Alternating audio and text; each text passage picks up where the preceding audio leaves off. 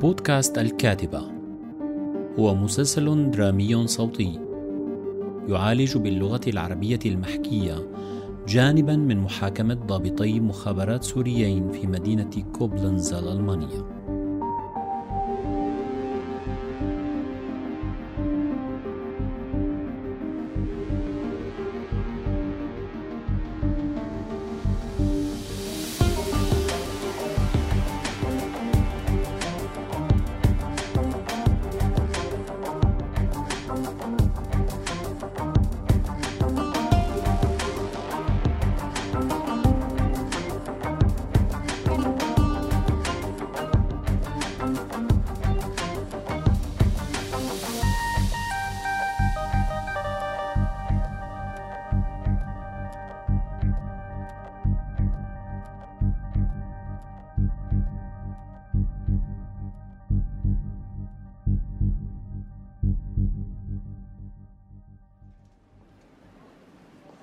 لا لا مو هاي الطاولة اللي قالت لي عنها نهى هديك أرخص وأخف.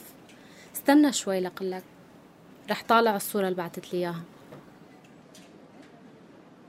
لك حازم شبك على شو عم تتطلع ما بعرف. شايفة هداك الزلمة أبو شامة اللي واقف عند الموظفة الألمانية. إيه شو بو؟ شايفه من قبل بس ما بعرف ليش كش بدني بس لمحته. ما عم بتذكر منيح. لك إيه إيه بتكون مشبه عليه. خليك معي هلا بدنا نخلص على بكير. إسا عنا ساعة لنوصل على الهايم. ستي امشي إلا ما أتذكر مين هو.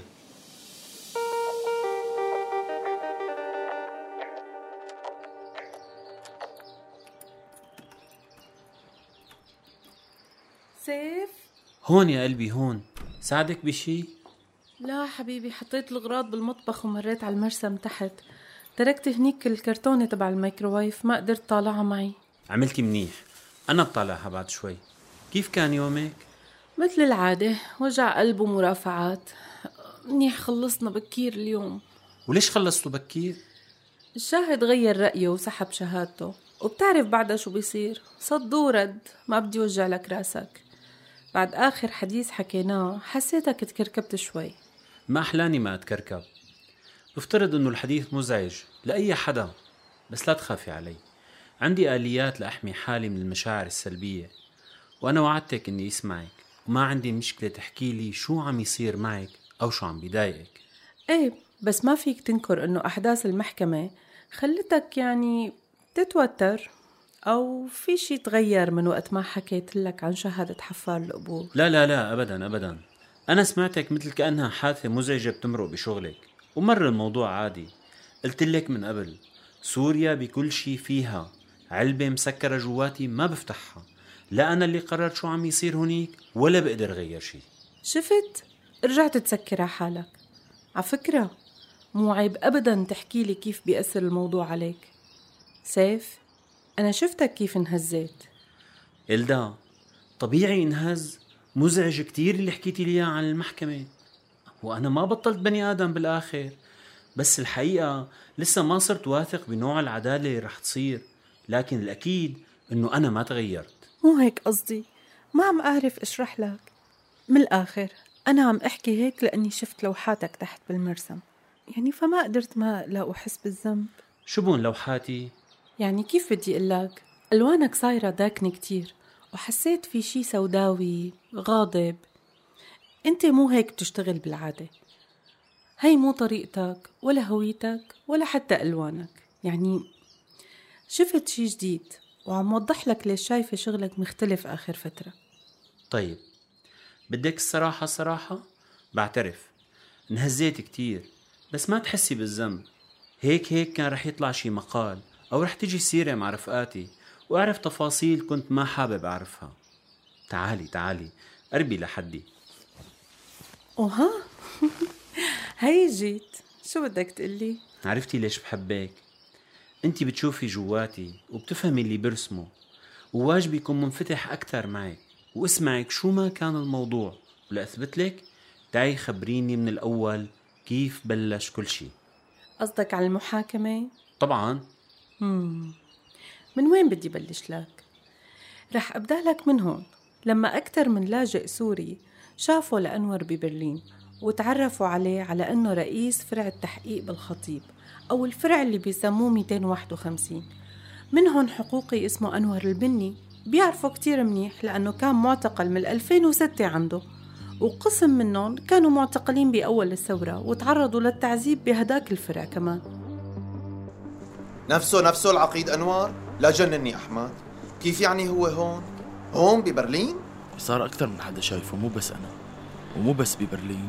لا يا سيدي تحديدا بالهايم اللي نازلين فيه انتو صار له شهرين. حازم شبك وقفت؟ روق شو في؟ لا لا مو معقول. لا تقلي لاجئ كمان. لك ليلى هذا الزلمة اللي شفناه بالمحل هداك اليوم. ياخ طول بالك طول بالك. ما عم بفهم عليك. مين لاجئ؟ وشو عم يصير؟ أنور رسلان.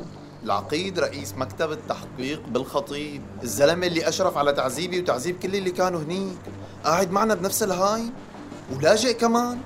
وعم تقلي لي روح لحقني لهون يا الله. وأنا عم أقول ليش كش بدني بس شفته. بس من وين بدي أتصور إنه هو لاحقني لهون؟ وبدك ياني روح إيه لا لا مو منطقي هذا الكلام. ما تكونوا مشبهين أو مخربطين. أنا أنا شفته بس ما عرفته أول شيء. هالزلمة لازم يتبلغ عنه. طبعا لازم يتبلغ عنه. بس خلينا نشوفه بالأول ونسأل عنه. القصة فيها بوليس ونحن هون لاجئين. منيح نكون متأكدين ما؟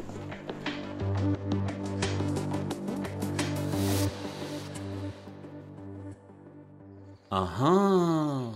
هيك لكن بلشت القصص. تماما. وهي هي البداية الأولى للقصة من جهة المعتقلين اللي تعرفوا عليه ببرلين.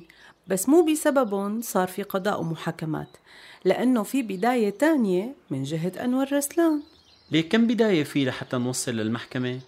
كتار البدايات. بدك اللي صرت أعرفه عن حكومة النظام والمعتقلات ولا عن الثورة ولا عن تاريخ المتهمين قبل وبعد ما يجوا على ألمانيا ولا عن قصص الشهود ولا ملف قيصر ولا عن المحكمة نفسها. لا لا لا دخيلك. خليكي على خطتك. مبين عندك مخطط براسك وما بدي خربه. كملي كملي. رح أرجع لك للأول. لما كان أنور رسلان اللي قدم حاله على أنه ضابط مخابرات منشق عن حكومة النظام وصل على ألمانيا بال 2014 وحصل على لجوء ببرلين.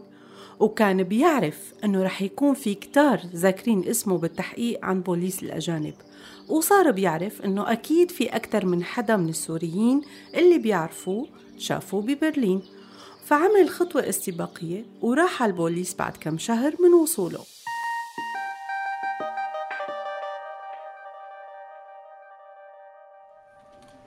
صباح الخير مدام. أهلين صباح النور. لو سمحتي بعتوني لعندك مشان الترجمة وخبروني اشرح لك الموضوع حتى ترافقيني لما فوت عند الضابط. تفضل خير. بصراحة أنا جاي أبلغ عن موضوع حساس شوي. صار لي فترة عم تلاحق هون ببرلين وخايف على سلامتي وسلامة عيلتي. مشان هيك جيت على اسم الشرطة اللي حدكن. أنا لاجئ ولسه ما بحكي ألماني منيح. أهلا وسهلا. بس بتوقع لي على طلب الترجمة هاد وأنا بعبي الباقي. الاسم لو سمحت؟ أنور. أنور رسلان. أنور رسلان. تمام تفضل معي.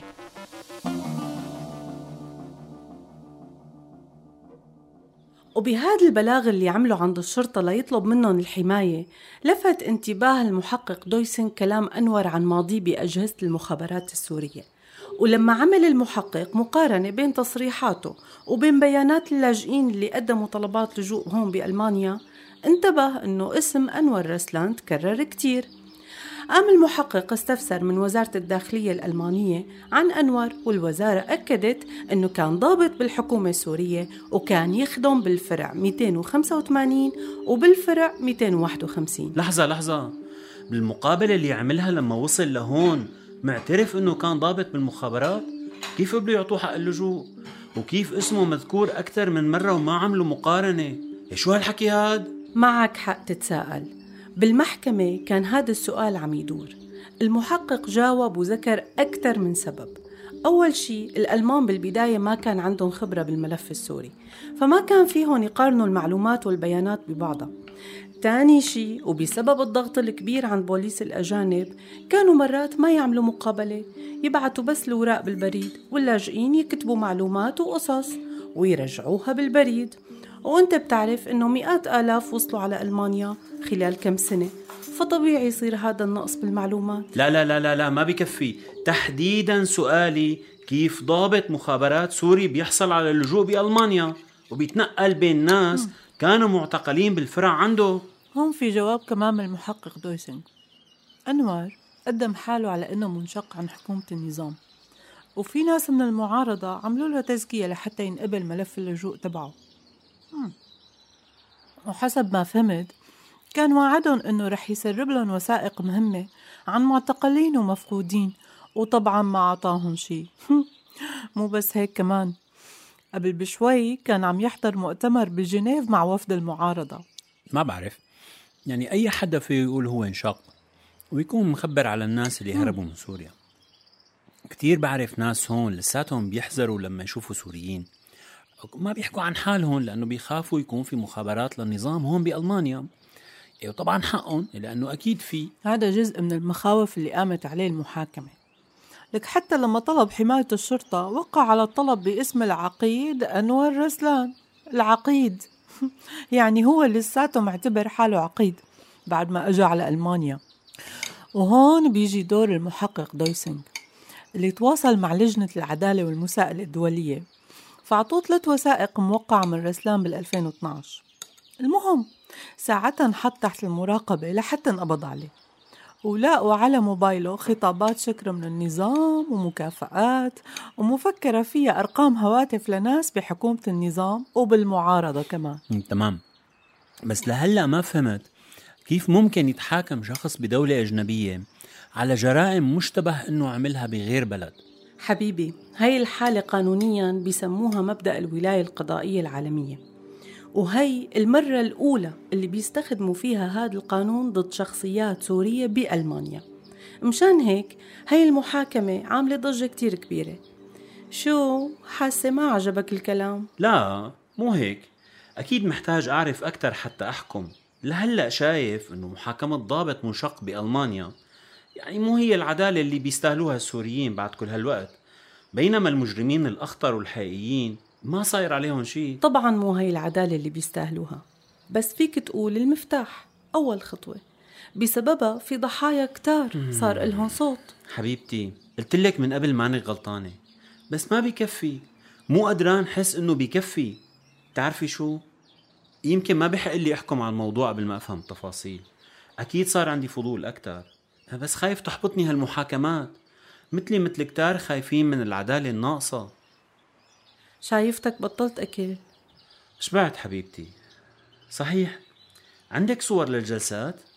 مو قلت لك إنه بالجلسة الثالثة القاضية طالعت قرار إنه ممنوع التصوير والتسجيل؟ أها بس أكيد مو ممنوع تحكي لي صح؟ فعليا التحضير للمحكمة كان بديان من 2019 بس اليوم الأول كان بتاريخ 23 نيسان 2020 كان في اهتمام كتير كبير من الناس والصحافة وكانوا اللي ناطرين برا أكثر من 50 شخص. دخل على القاعة القضاة والمحامين والمتهمين أنور وإياد. لحظة مين إياد؟ شو نسيت؟ ما قلت لك المرة الماضية إنه هن متهمين. المتهم الثاني إياد. صف ضابط مسؤول عن اعتقالات تعسفية وشبهة قتل لمتظاهرين ومعتقلين. وله علاقة بالفرع اللي كان يرأسه أنور هو كمان لاجئ وكمان انشق بال 2012 وعم يتم اليوم محاكمته مع أنور والتهم كتير متقاربة مع فرق بنوع المسؤولية اللي بيتحملها كل متهم آه كأنه هذا أقل أهمية من أنور إيه تماما. وأصغر بالعمر وبالرتبة. وبمرحلة معينة كان شاهد وعطى معلومات مهمة ودقيقة خلته يصير مشتبه. لحتى توجهت له تهم بعد ما راقبوه فترة وصار في شهود وتحقيق ومن بعدها قبضوا عليه وجمعوا القضيتين سوا بكوبلينز. يلدا رجعيني على القاعة خليني أفهم أكثر بدي تحكي لي بالتفصيل شكل المتهمين القضاة شكل القاعة كيف كان أول يوم؟ قصدك بدك يعني يكون عيونك بقاعة المحكمة. هو انت عيوني بالاصل بس كمان بدي شوف بعيونك لكون قدران اتخيل وارسم. لكن خليني أعمل كاستين شاي بطريقتك وأرجع لك طالما شايفتك جهزت الورق.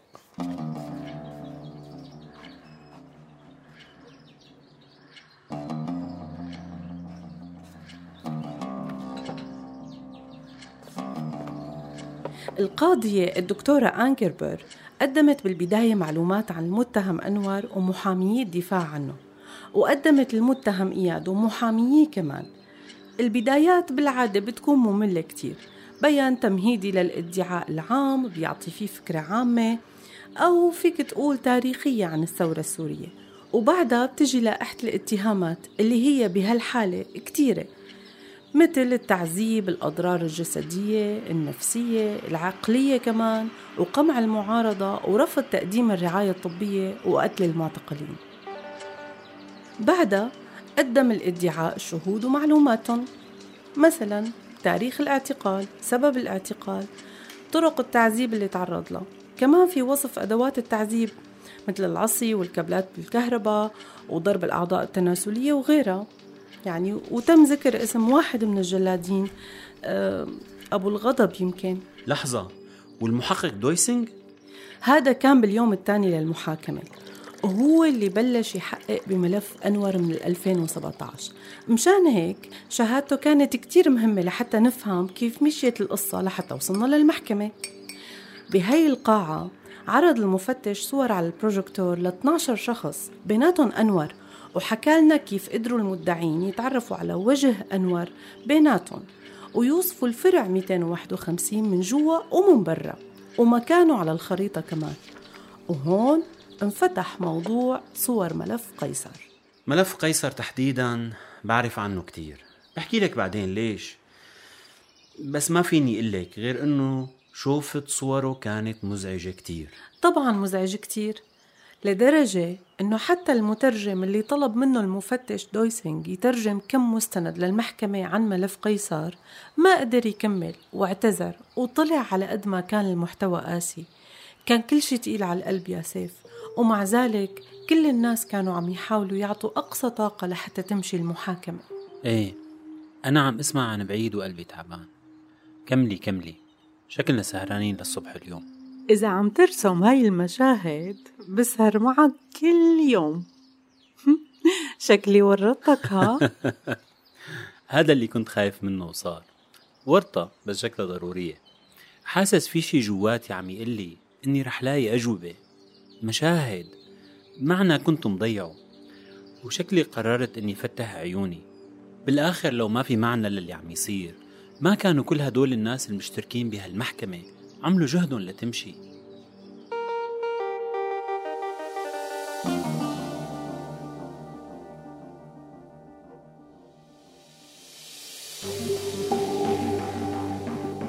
أنتج هذا المحتوى الصوتي بدعم وتمويل من مؤسسة هاينرش بيل.